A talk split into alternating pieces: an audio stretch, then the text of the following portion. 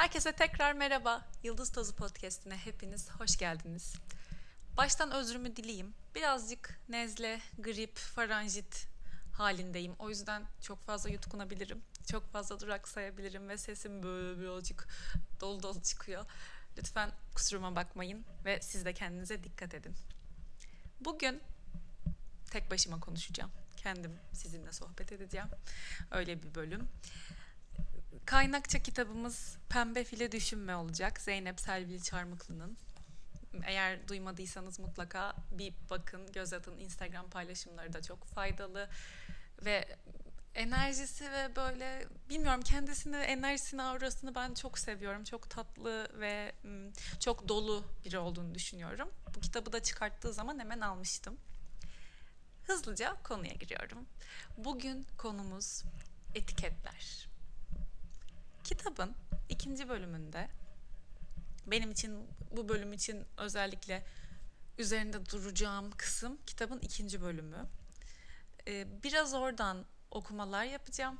Biraz tabii ki kendim konuşacağım üzerine çünkü neden konuşmayayım.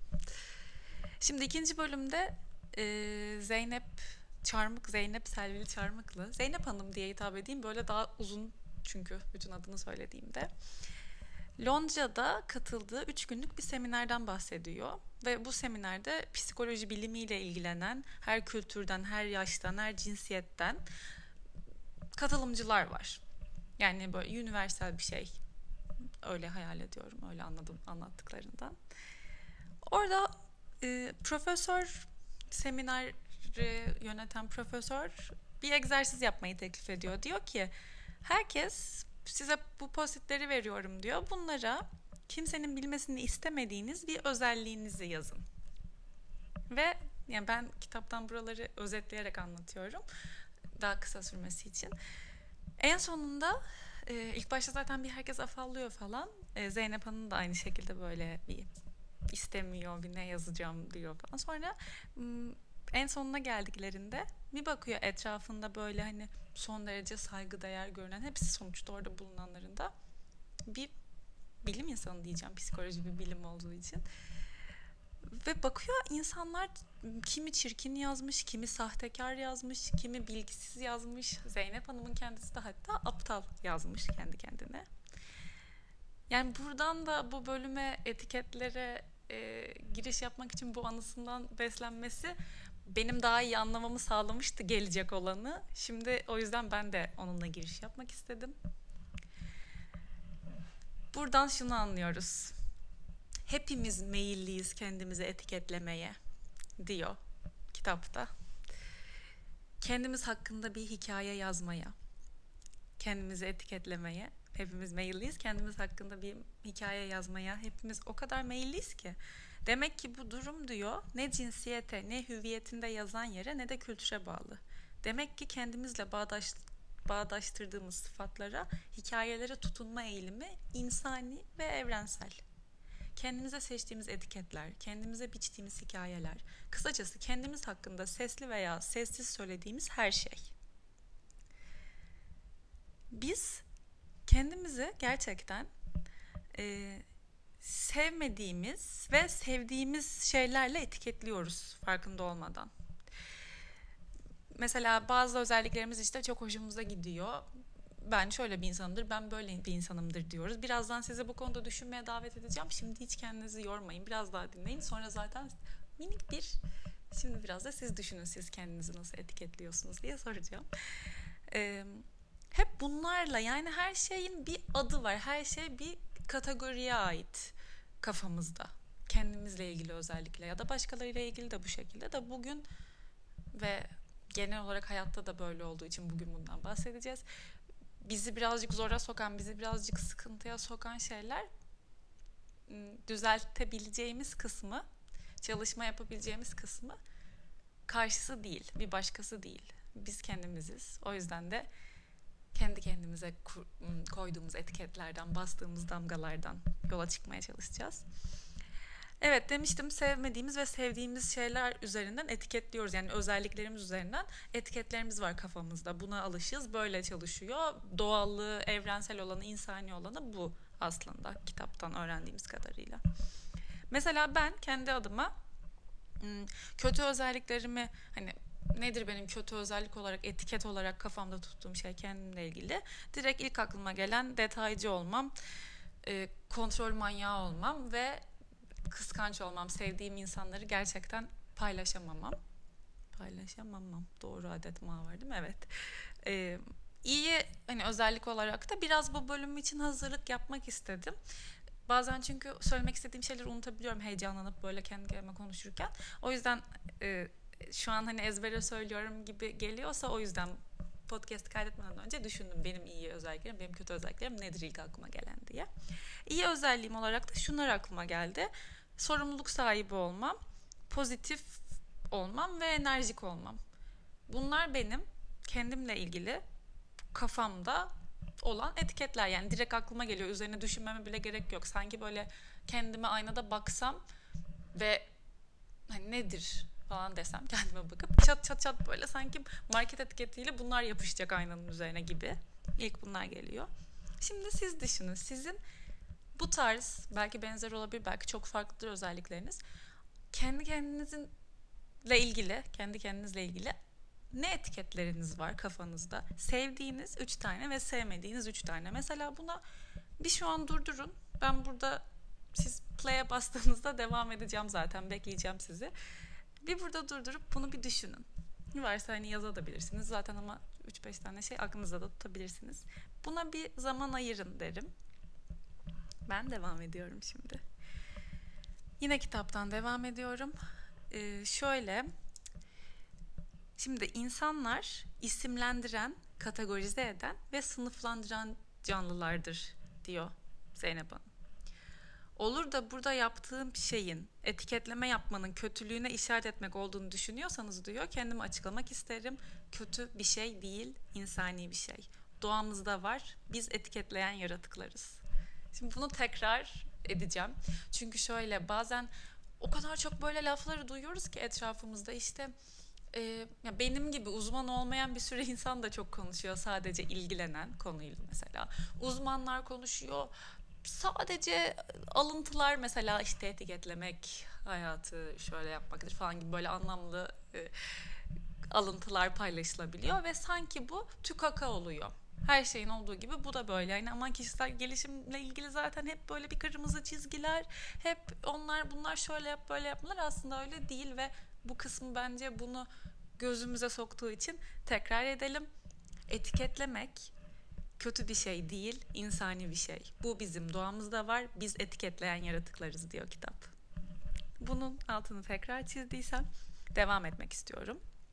Neden hani etiketleriz diye açıklama yapmış e, kitap. O da şu şekilde. Ben de burayı paylaşmak istiyorum sizinle. Hem kendimize hem de çevremizi etiketlemek sürekli değişen dünyada bir istikrar yakalamamızı sağlıyor. Yani bu da ne demek aslında hakikaten farkındaysanız her saniye, her salise, her milisalise falan sürekli bir şeyler değişiyor. Bizim üzerimizde de görmesek de içimizde de ve etrafımızda dünyada bizi çevreleyen toplumda sürekli bir şeyler değişiyor. Ve bu etiketler öyle ya da böyle bizim aslında bir şeyleri o değişim içinde bir şeyleri öngörebilmemizi ya da öngörebileceğimize inanmamızı sağlıyor. Ve bu bize güven veren bir his yani tabii. Kitap diyor ki bu çocukken baş, başlıyor aslında. Okuduğum zaman orayı ben de düşündüm. Gerçekten bakın başlıyoruz anne baba işte acı tatlı sıcak soğuk bu iyi bu kötü işte bu benim arkadaşım e, ve seviyorum onu ve işte o bana oyuncağını paylaşıyor. Ben de onunla yem atıyorum yani şu an işte yemek yiyorum beraber oyuncağımı veriyorum. Hiç kavga etmiyoruz, alamıyoruz. O benim iyi bir arkadaşım mesela. Ya da bu biri var işte o benim elimden jelibonumu çekti. O tehlikeli biri. O şöyle yaptı ya da ağladım ve hemen yardımıma koştu annem, babam, işte teyzem, anneannem, babaannem. Bu güvenilir birisi gibi otomatik olarak aslında kafamız e, etiket lemeye başlıyor bir şeyleri. E, ya da şöyle şeyler oluyor yine kitaptan. E, bir annenin veya babanın çocuğuyla iletişim kurma biçimini düşünelim diyor. Ne mutlu bir çocuksun sen. Hep gülüyorsun maşallah. Bu çocuk, bunu duyan çocuk yani gülmesinin sevinç duygusuna, sevinç duygusunun da mutluluğa eşit olduğunu öğrenir diyor. Ve eğer bu ve buna benzer sözler ona yıllar içinde sık sık söylenirse en sonunda tırnak içinde mutlu bir çocuk olduğunu öğrenecektir. Gerçekten bir düşünün hakikaten genelde böyledir. Mesela bir arkadaşınız vardır gözle görülür bir özelliği vardır diyelim. Hani iyi bir örnek kitap da vermiş biz de kötü bir şey düşünelim. Mesela her şeyin negatif yönünü gören bir arkadaşınız.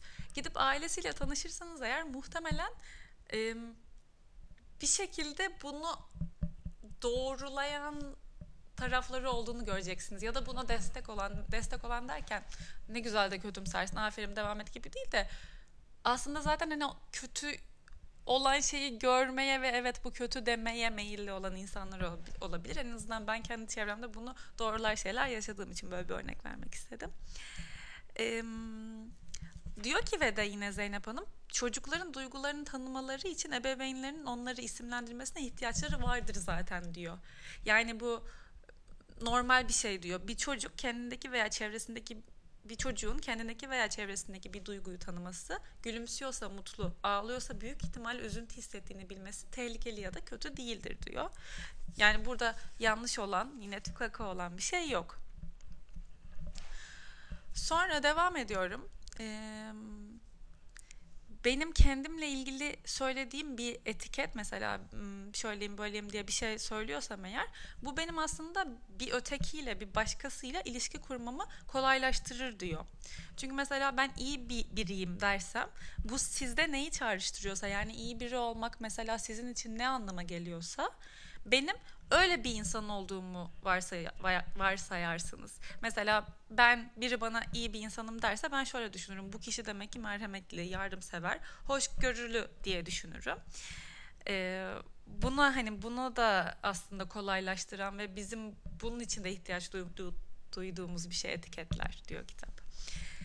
Ee, sorun ne peki? Ee, etiketler nasıl sorun haline geliyor peki? Neden ya da? Şöyle diyor alıntılıyorum. Etiketlerin sorun haline gelmesi kişinin etiketiyle iç içe geçip bütünleşerek onu tanımlayan tek gerçeğin o etiket olduğuna inanmasıyla başlar. Etiketler kendimizle ilgili bütünleştirdiğimiz hikayeler, içlerinde ne yapmamız gerektiğini söyleyen kurallar taşır. Ve bu da tabii ki yani er ya da geç bundan sonra da kim olacağımızı ve nasıl davranacağımızı belirlemeye başlar bu durumda etiketler tabii. Mesela şöyle bir örnek vereyim e, yine kitaptan alacağım bu örneği ama kendim anlatacağım okumayarak. E, çok yani okul hayatında genelde başarısız olmuş, ne bileyim hasbel kadar geçmiş, sınıfta kalmış, üniversiteyi zor zor bitirmiş ve kendinin dolayısıyla buradaki notlar ya da bilmiyorum bence eğitim linci yememek dileğiyle başarısızlığı tanımlayan şeyler asla değil bence bu konuda aslında birazcık Lara ile çok güzel bir sohbet etmiştik. Yıldız Tozu Saçan Kadınlar X, Lara Tuksal'ı dinlerseniz başarı tanımı ile ilgili başarı tanımını nasıl yapmak gerek aslında mutluluk vesaire bununla ilgili konuştuğumuz kısım konuşmanın hep başlarındaydı. Onu dinleyebilirsiniz. Devam ediyorum. Hı. Bu benim için bence başarısızlık tanımı değil ama bu verdiğim okul hayatında, eğitim hayatında başarısı olan kişi örneği. Ama varsayalım ki ya da zaten büyük bir kısım için böyle. Böyle bir insan hani hasbelkader işte okulu bitiren bir insan çok hayalindeki gibi bir iş şeyi görüyor ilanı bir internet sitesinde. Ona başvururken yani daha doğrusu ona başvurmayı ya da hatta pardon o ilanı gördüğünde kafasından kitaptan anlatılıyorum şöyle şeyler mi geçer sizce? Yoksa hemen e, aa bu benim hayallerimdeki iş ya süper ne güzel çıktı karşıma der başvurur mu? Ya da şöyle mi düşünür? Tereddüt mü eder? Bu işi bana asla vermez vermezler diye mi düşünür? Mümkün değil yapamam mı der? Böyle harika bir iş için yeterli değilim. Başvursam bile kes kes ve ah konuşamıyorum kusura bakmayın. Kesin işi benden daha becerikli biri alır düşüncesi mi geçer aklından? İşte bu az önce nasıl etiketlerin sorun haline geldiğini doğrulayan bir örnek oldu. Görüyoruz ki davranışları, tercihleri nasıl kısıtlıyor? Kendimizle ilgili ben başarısızım etiketi mesela bu örnekteki. Ya da hepimiz için bu farklı bir örnek olabilir. Bir dikkat edin kendiniz hakkında canı gönülden inandığınız bir şey sizi az da olsa etkiliyor mu? Hayatınızı yönlendiriyor mu? Davranışlarınızı kontrol ediyor mu? Seçimlerinizi kısıtlıyor mu? Kitaptan sorular bunlar. Hakikaten bu benim üzerinde düşünmeme sebep olan bir kısımdı ve sizinle konuşmak için bundan bahsetmek için de bakarken yine ne kadar doğru bir örnek ve nasıl doğru sorular. Mutlaka kendi hayatınızda bunun iz düşümünü bulacaksınızdır. Sadece düşünmek için korkmadan birazcık zaman ayırın derim ben. Ee, şöyle devam ediyorum yine kitaptan. Ee, diyor ki evet sorun neden sorun olduğunu anlattık, nasıl sorun olduğunu örnek olarak gösterdik ya. İşte diyor ki aslında problem burada etiketin kendisine değil. Etiketler yalnızca biz onlara çok bağlı olmaya, sadık kalmaya, onlarla bütünleşmeye, iç içe geçmeye başladığımız zaman sorun haline gelir. Çok doğru. Çünkü hani arana kafanda koyduğun etiketle kendi arana şu anki sen o andaki sen arasında bir mesafe koyarsan onunla iç içe geçip onu özümseyip onun kendisi haline gelmezsen mikrofona vurdum kusura bakmayın. O zaman zaten bir problem olmayacak. Yani etiketin kendisi o zaman doğru yerinde, doğru mesafede duruyorsa bir sorun olmayacak. Sen onu yutarsan ve özümsersen o zaman hareket alanın kalmıyor. O zaman esnek olamıyorsun. Evet bu böyle ve böyle davranacağım. Yani otomatik olarak o davranış böyle gelişiyor o zaman. Ya da kafandaki düşünce sistemi başarısızım. O yüzden istediğim işi yapamam. Çok para kazanamam. Sevdiğim bir işte uzun süre çalışamam gibi zincir zincir böyle o onu açıyor, onu açıyor, ona gidiyor.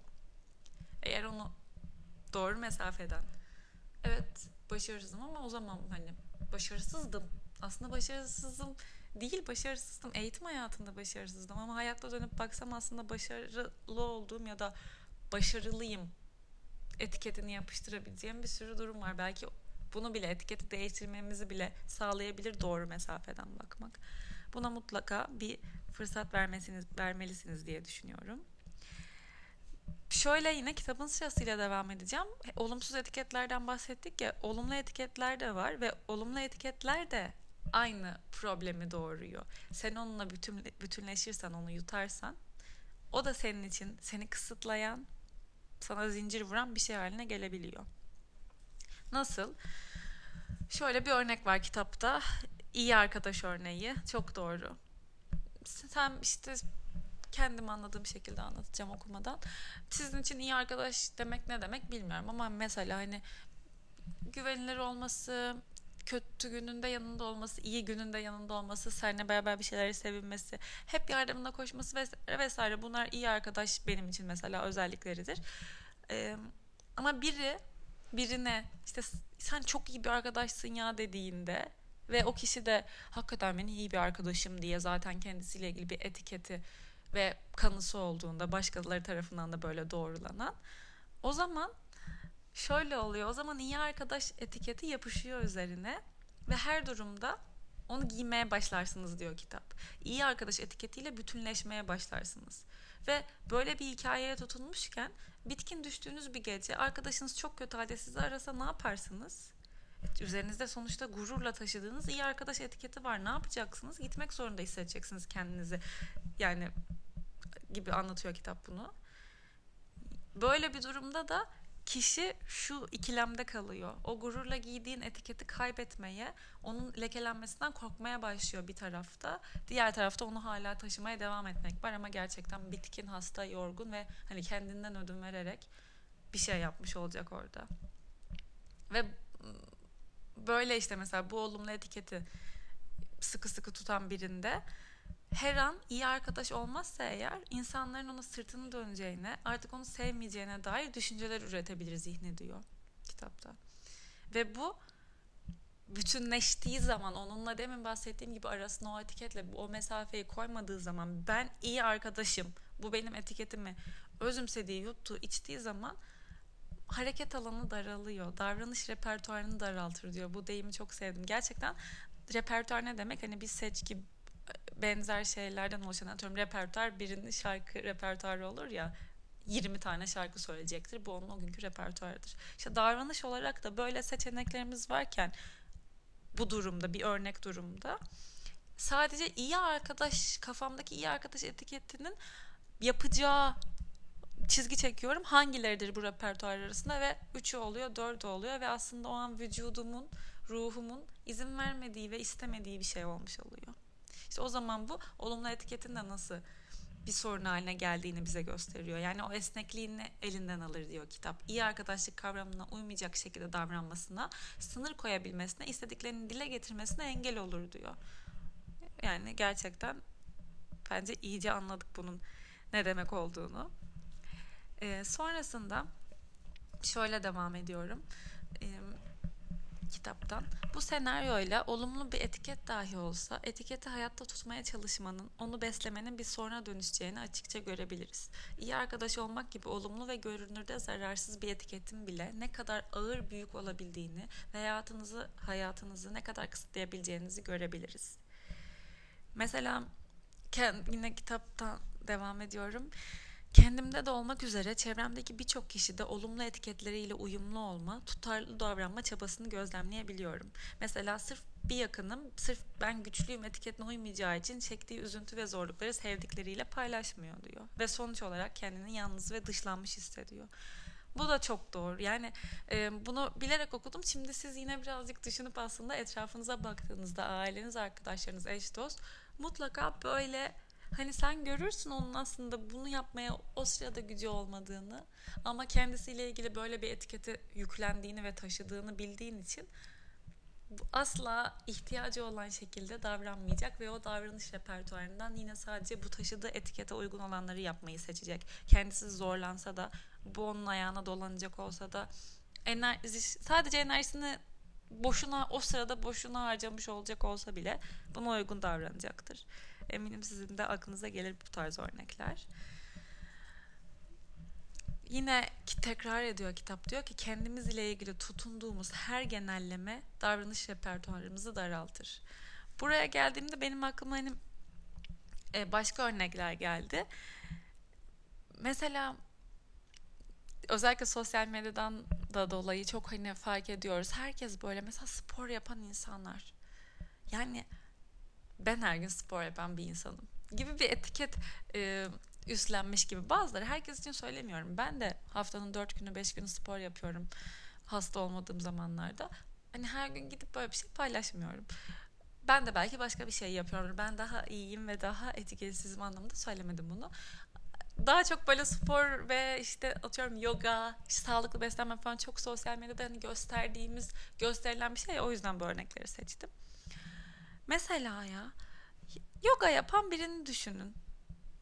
Ben yogiyim. Ben işte yoga yapıyorum ha. Tutulduğu zaman aslında onun hareketleri yani o gün onu yapmak istemese de ya da o gün böyle bir şey yap yogasını yapsa bile muhtemelen çünkü çok ciddi bir yogi ise her gün yapıyordur yogasını diye düşünüyorum ama hani o içinden gelmese bile o gün paylaşımını en azından böyle yapar. Yani bu da bir davranış kısıtlanması. Belki o gün hiçbir şey paylaşmak istemiyor. Belki o gün atıyorum bir kaldırımdan çıkan çiçek paylaşmak istiyor ama hayır yani hani yoga yapıyorum ben falan gibi bir şey paylaşıyor olabilir. Hani bu verdiğim basit ve yüzeysel bir örnek oldu biliyorum ama ne demek istediğimi daha basit bir seviyede de hani anlaşılır kılmak istedim. Ya da mesela sağlıklı beslenen biri. Yahu arkadaş senin canın hamburger yemek istediğinde biliyorum ki ben kafandan şu an sağlıklı beslenmedim ama ben sağlıklı beslenen bir insanım bu ve bu sağlıklı beslenen benim e, yapacağım bir şey değil. Bu bu bu etiketi desteklemiyor. Deyit deyit uyarı yani anladınız mı? Uyarı veriyor insanın kafası. Aslında yo sen zaten sağlıklı besleniyor olabilirsin. Sağlıklı beslenen biri etiketi doğru mesafeyi koyduğunda arana her öğün e, doğru ölçüde karbonhidrat, sağlıklı yağ ve işte protein demek değil. Yo yani not necessarily hep öyle olmak zorunda değil. Yine esneklik kaybettiren, yine bizi daraltan bir şey olduğunu doğrulayan bir örnek seçmeye çalıştım. Ve sonra devam ediyorum. Bir yandan da ım, hayatla beraber üzerimize yüklenen etiketler var. Mesela işte yaptığın işten, hayatta yüklendiğin rollerden, cinsiyetinden, medeni halinden ve bunlar belli kodları da beraberinde getiriyor ve senin etrafından ve bazen kendi kendine de sıkça da kendi kendine olabilir. Buna tutarlı davranman bekleniyor. Ama aslında biz sadece biri değiliz ki. Sadece işimiz, sadece hayatta üstlendiğimiz ne bileyim bir rol. bir anne olmak ya da bir kadın olmak ya da bekar olmak ya da evli olmak ya da evli ve çocuklu olmak bunların tek bir değiliz biz aslında hayatta. Bununla beraber sağlıklı olarak doğru mesafede durduğumuz başka etiketlerimiz de var. Ama hepsi yani sadece biri olman bekleniyor ve mesela ona tutarlı davranmadığın zaman e, bu nasıl yani hani yo yine uyarı değil değil buna uygun değil o zaman hani bunu yapmamasın bu yanlış böyle davranmamasın böyle düşünmemesin gibi şeyler oluyor. Ama tekrar ediyorum hiçbirimiz bir hayat tarafından dışarısı tarafından toplum tarafından bize yüklenen etiketlerin biri değiliz. Bazen hiçbiri bile olmayabiliriz hatta yani bir durup kendini iyi dinlemek lazım ve bunun sadece yalnız birine göre davranmaya çalıştığımız zaman ben sadece bir sadece bir hmm, atıyorum. Ben sanat severimdir. İşte küratörüm iş olarak da küratörümdür diyelim. Sanatla uğraşan bir kimseyimdir ya da. Bu benim hmm, anne olmamı bu benim evli olmamı etkile yani ondan bağımsız bir şey bu ve bu diğer kısımları hayatımın diğer süreçlerinde yaşayacağım şeyleri engellememesi lazım. Ben her zaman bir sanat severim ve sanatla ilgilenen bir kimseyim. Benim işim bu deyip aynı zamanda olduğum diğer şeyleri yatsımamam lazım mesela. Şöyle daha anlaşılır. Direkt ilk aklıma gelen bir şey. Ben o gün doğada yürüyüş yapmak istiyorsam çok önemli bir serginin son gününe gitmeyebilirim çünkü ben sanat sever bir kimse olduğum kadar, sanatla ilgilenen bir iş yapan biri olduğum kadar o gün doğayı seven ve sadece yürüyüş yapmak isteyen biri olabilirim ve bu son derece doğal ve normal. Kendinizi bu etiketlerin altında ezilmekten lütfen kurtarın. Birazcık böyle düşünmeye çalışıp yani denerseniz eminim yapabileceksiniz. Çünkü bu çok böyle hani içimize işlemiş çok zor falan bir şey olduğunu ben bunu düşünmüyorum. Doğru mesafeden bakabilirseniz duyabilirseniz kendi söylediğinizi kalbinizin bir yandan da beyninizin bence buna kotarırsınız eminim kotarırsınız. Neden etiketlere ihtiyaç duyarız? Dan biraz da bahsedeceğim. Şöyle kitap diyor ki kendimizle bütünleştirdiğimiz etiketler, hikayeler olumsuz dahi olsa onlara ters düşen fikirleri duymaya ya da öyle davranışlarda bulunmaya direnç gösteririz. Neden? Çünkü sürekli değişen dünyada bir sabite ihtiyaç duyarız. Üzerinde durabileceğimiz bir temeli. Çoğu, şey, çoğu şeyin belirsiz olduğu bu dünyada kim olduğumuzu bildiğimize inanmak bize tutarlılık ve kontrol duygusu verir. Kişi kendini bilirse nerede ne yapacağını kestirebilir çünkü ve hareketlerini ve tepkilerini öngörebilir diyor kitap. Ama işte bu tutarlılık tutkusuyla bizi tarif ettiğine inandığımız etiketlere öyle bir bütünleşiriz ki o etiketlerle benliğimiz ve benliğimiz ve etiketimiz arasındaki farkı ayırt edemez hale geliriz diyor. Ve bu da işte zaten bir sıkıntı, bir sorun olmuş oluyor. Yani her zaman demin bahsettiğim şeyler yani o onu doğuruyor, onu doğuruyor işte şu etiket hmm, doğayı seven biriyim ben, işte çevreciyim ben etiketi trink işte bulamıyorum. Çiçeklerimi çok düzenli sularım. Trink e, mutlaka haftada 5 gün doğayı göreceğim şeyler yapmaya çalışırım. Barınaklara giderim. Bilmem bilmem bilmem aslında bir sürü şey doğuruyor ve hani ona tutarlı olmayan bir şey atıyorum. Boğazıma kaçan sakızı tükürdüğüm yerden ve durup almadım eyvah bu benim çevreci kim ya lütfen şu an bunu desteklediğimi düşünmeyin. İlk aklıma gelen örnek bu oldu. Tabii ki de yere lütfen sakızınızı atmayın. Atmıyoruz ve alıp çöpe atıyoruz. Ben de bunu yapıyorum. Bunu yapın diye söylemiyorum. Sadece aklıma gelen örnek kolay ve yine yüzeysel bir örnek olsun diye bunu söyledim. Hani o an bunu yapamadıysan ve bu senin çevreye duyarlı çevreci kimliğine e, aykırıysa ne oluyor? Kriz içinde. E bu buna tutarlı değil. O aradığım tutarlılığı sağlayamamış oluyorum ben böyle düşündüğümde. Bunu söylemek istedim. Birazcık komik bir örnek oldu galiba. Ve devam ediyorum. Kitaptan. Kendimizi tek bir etiket ile ya da tek bir hikayeyle tanımladığımızda kendimize başka belki de daha işe yarar bir şekilde davranma imkanı tanımamış oluruz. Bu da yani demin söylediğim şeyin aslında devamı gibi birazcık onu destekleyen bir örnek oldu.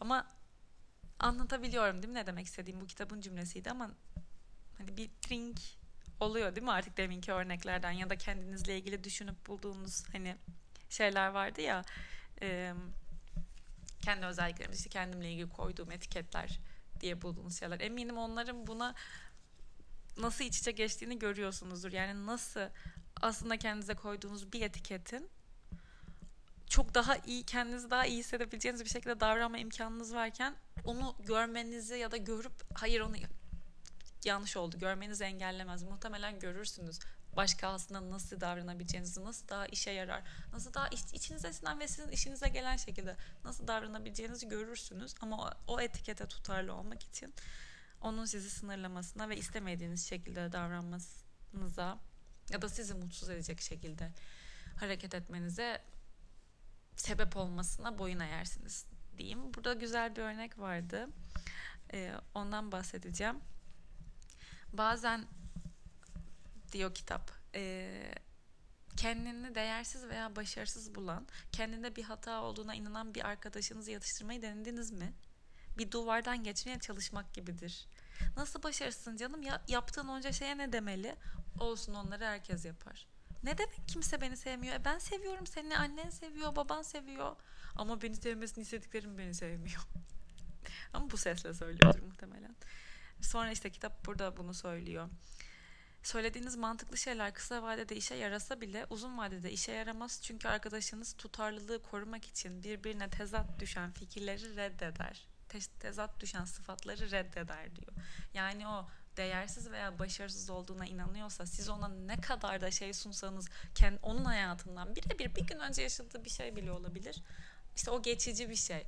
O o zaman olmuştu ya da ben onu demiyorum ki falan gibi şeyler bulur. Hakikaten öyle. Bu şeyde de olur bu arada. Kitapta da aynı örnek var. O kitaptan okuyayım. Ben kimsenin birlikte olmak isteyeceği biri değilim düşüncesiyle bütünleşmişseniz karşınıza size değer verip mutlu eden biri çıktığında tutarlılık ihtiyacınız sizi zor duruma sokabilir. Ve bu algınıza ters düşen deneyimleri hafife almaya, küçük görmeye başlayabilirsiniz. Hakikaten öyle. Yani etrafınızda da düşünürseniz gelir aklınıza böyle kimseler. Kendini değerli ve sevilmeye layık görmüyorsa bir insan ya o ilişkinin çok sürmeyeceğini düşünür ya o iş, bu işin içinde kesin bir iş var hani o benimle birlikte şu an ama bir sebebi vardır bunun. İşte yalnız kalmamak için benimle olmayı seçiyor. Ya da ben kesin bir gün bir hata yaparım yine onu da kendimden soğuturum uzaklaştırırım. Yani bunu ne kadar üzücü bir şey değil mi birinin böyle düşüne, düşündüğünü düşünmek. İşte zihnimiz kişisel hikayemizi korumak için bu hikayeyi bozacak, tutarlılığı bozacak tecrübeleri önemsizleştirecektir. Bu tam deminki örnekteki gibi. Ben değersizim, değil mi? Zihninin ürettiği kişisel hikaye ve benimsediği etiket. Ve yaşadığım şey, aa biri bana gerçekten değer veriyor. Hemen koştu yanıma geldi. ihtiyacım olduğunu düşünüp ne bileyim bana şunu yaptı bunu yaptı neyse sizin kendinizi değerli görmenizi sağlayan bir ötekinin yaptığı şeyler. Hani bunlar oldu. Deneyim de bu. Ama yok. Çünkü benim körü körüne bağlı olduğum etiketim benim değersiz olmam olduğu için ben onun bu yaptığı bütün artları bana değer verdiğini gösteren şeyleri sırf o etiketin ve hikayenin tutarlılığını bozmamak adına önemsizleştiririm zihnimde. O bunu şundan dolayı yaptı derim. Onun şöyle bir çıkarı vardı derim. Vesaire vesaire. Umarım anlaşılır olmuştur. Biraz böyle yazdıklarımdan ve kitaptan da bir şey atlamadan ilerlemeye çalıştığım için es vererek ve işte bir okuma bir benim yorumlarım gibi ilerliyor. İnşallah faydalı oluyordur sizin için. Şimdi sona geldim. Son kısmımızda şöyle toparlayacağım. Kitap diyor ki bazı etiketlerle öyle bir bütünleşmişizdir, hikayeler hayatımızı öyle bir işlemiştir ki onları olduğu gibi göremeyiz. Deneyimlerimize açıklık ve merakla bakarsak bazı durumlarda kendimizi rahatça ifade edemezken bazı durumlarda çok daha rahat olduğumuzu görürüz. Evet bazı insanların yanında daha utangaç, bazı insanların yanında ise daha kendimiz gibi olabiliriz. Bazen düşüncesiz ve fevri hareket ederiz. Bazen ise oldukça anlayışlı ve sabırlıyızdır. Bazen aynı gün içinde hem aptal olduğumuzu hem de zeki olduğumuzu düşünebiliriz.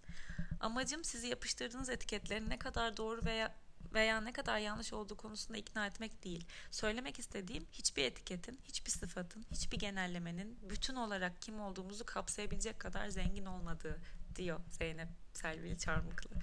Davranışsal anlamda sabit diye bir şey yoktur diyor. Kimse hayatının her anında zeki, utangaç, sabırlı veya depresif değildir. Hepinizin içinde geniş bir davranış repertuarı vardır.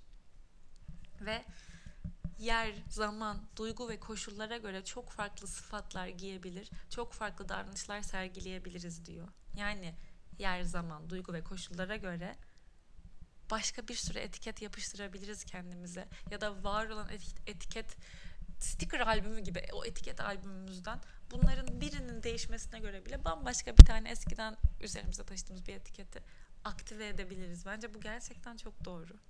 Ve diyor ki o yüzden hiçbir kimliği, hiçbir etiketi tırnak içinde ben yapacak kadar sahiplenmemek gerekir. Bunu bir düşünün. Güzel bir cümle oldu. Ben yaparak yani ben yapacak kadar sahiplenmemek bir etiketi çok güzel bir tabir olmuş. Ben gizemim. En köklü, en sabit ve asla o sticker albümü örneğinden sökülmeyecek olan tek gerçek bu aslında ve benim tek göğsümü gere gere söylemem gereken şey ve ve senin de kimse beni dinleyen sen adın ne? Sen olsun. Sen Ayşe'sin. Sen Ahmet'sin. Sen Fatma'sın. Sen ne bileyim Emrah'sın. Sen kimsen. Sadece olsun aslında. En önemli etiketin bu senin. Ve bırak oradan dallanıp budaklansın. Bırak her deneyiminle bütün etiket seçkisine izin ver ki o koca davranış repertuarın olsun. İstediğin gibi rahat hareket edebil durumlar, koşullar değiştikçe. Bence bence bunu yapabilirsin. Ve e, şöyle güzel bir örnekle bitireceğim daha iyi e, anlamamız için.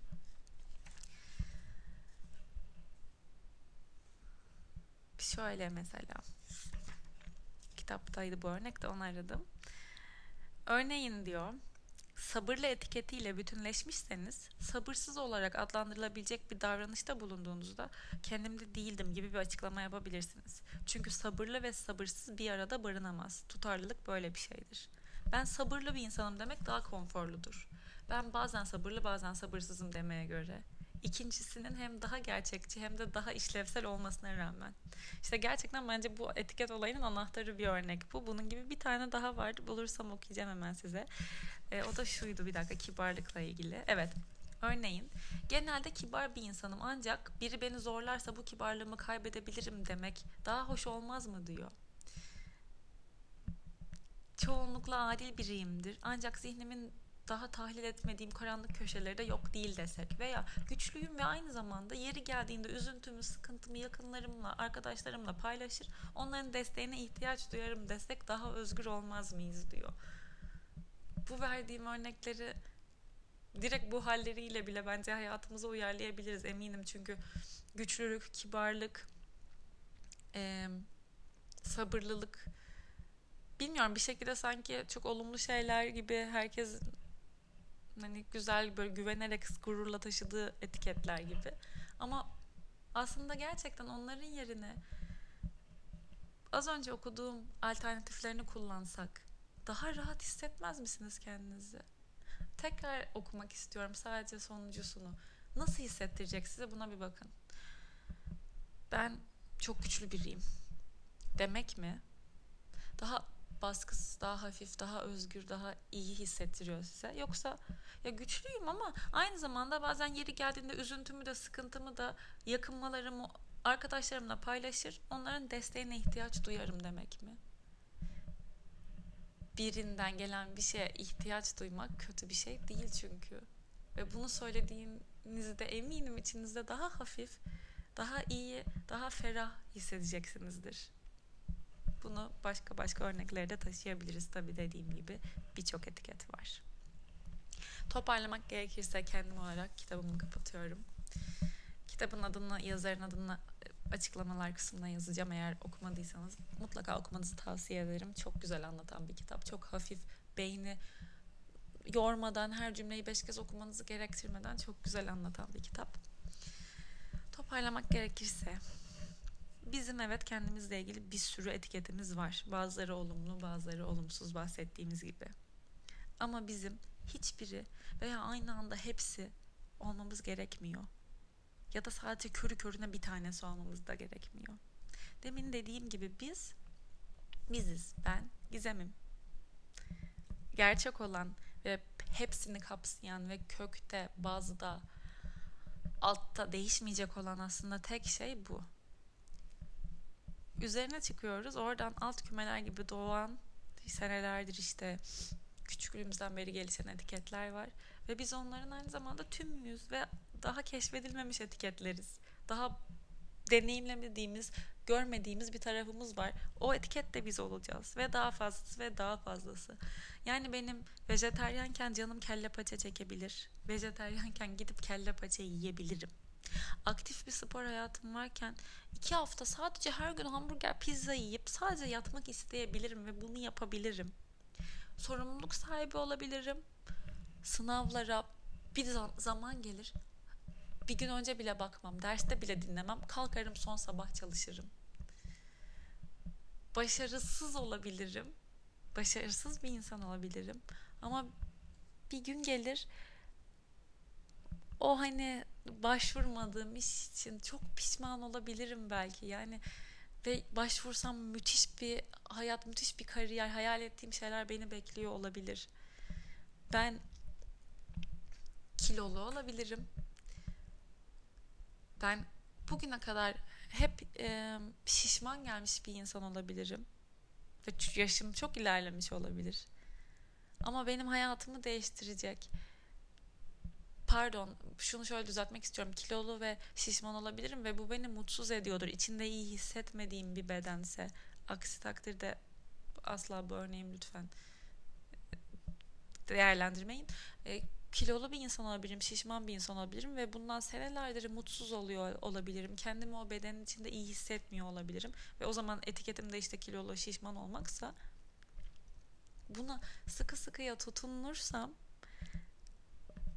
tutunmamalıyım çünkü belki bir gün gelir bir doktorla tanışırım ve benim o almak istediğim kıyafetleri alabileceğim, kendimi inanılmaz zinde hissedeceğim o bedene beni kendimi çok iyi hissederek, çok sıkılmadan, yorulmadan götürecek bir yaklaşımda bulunur.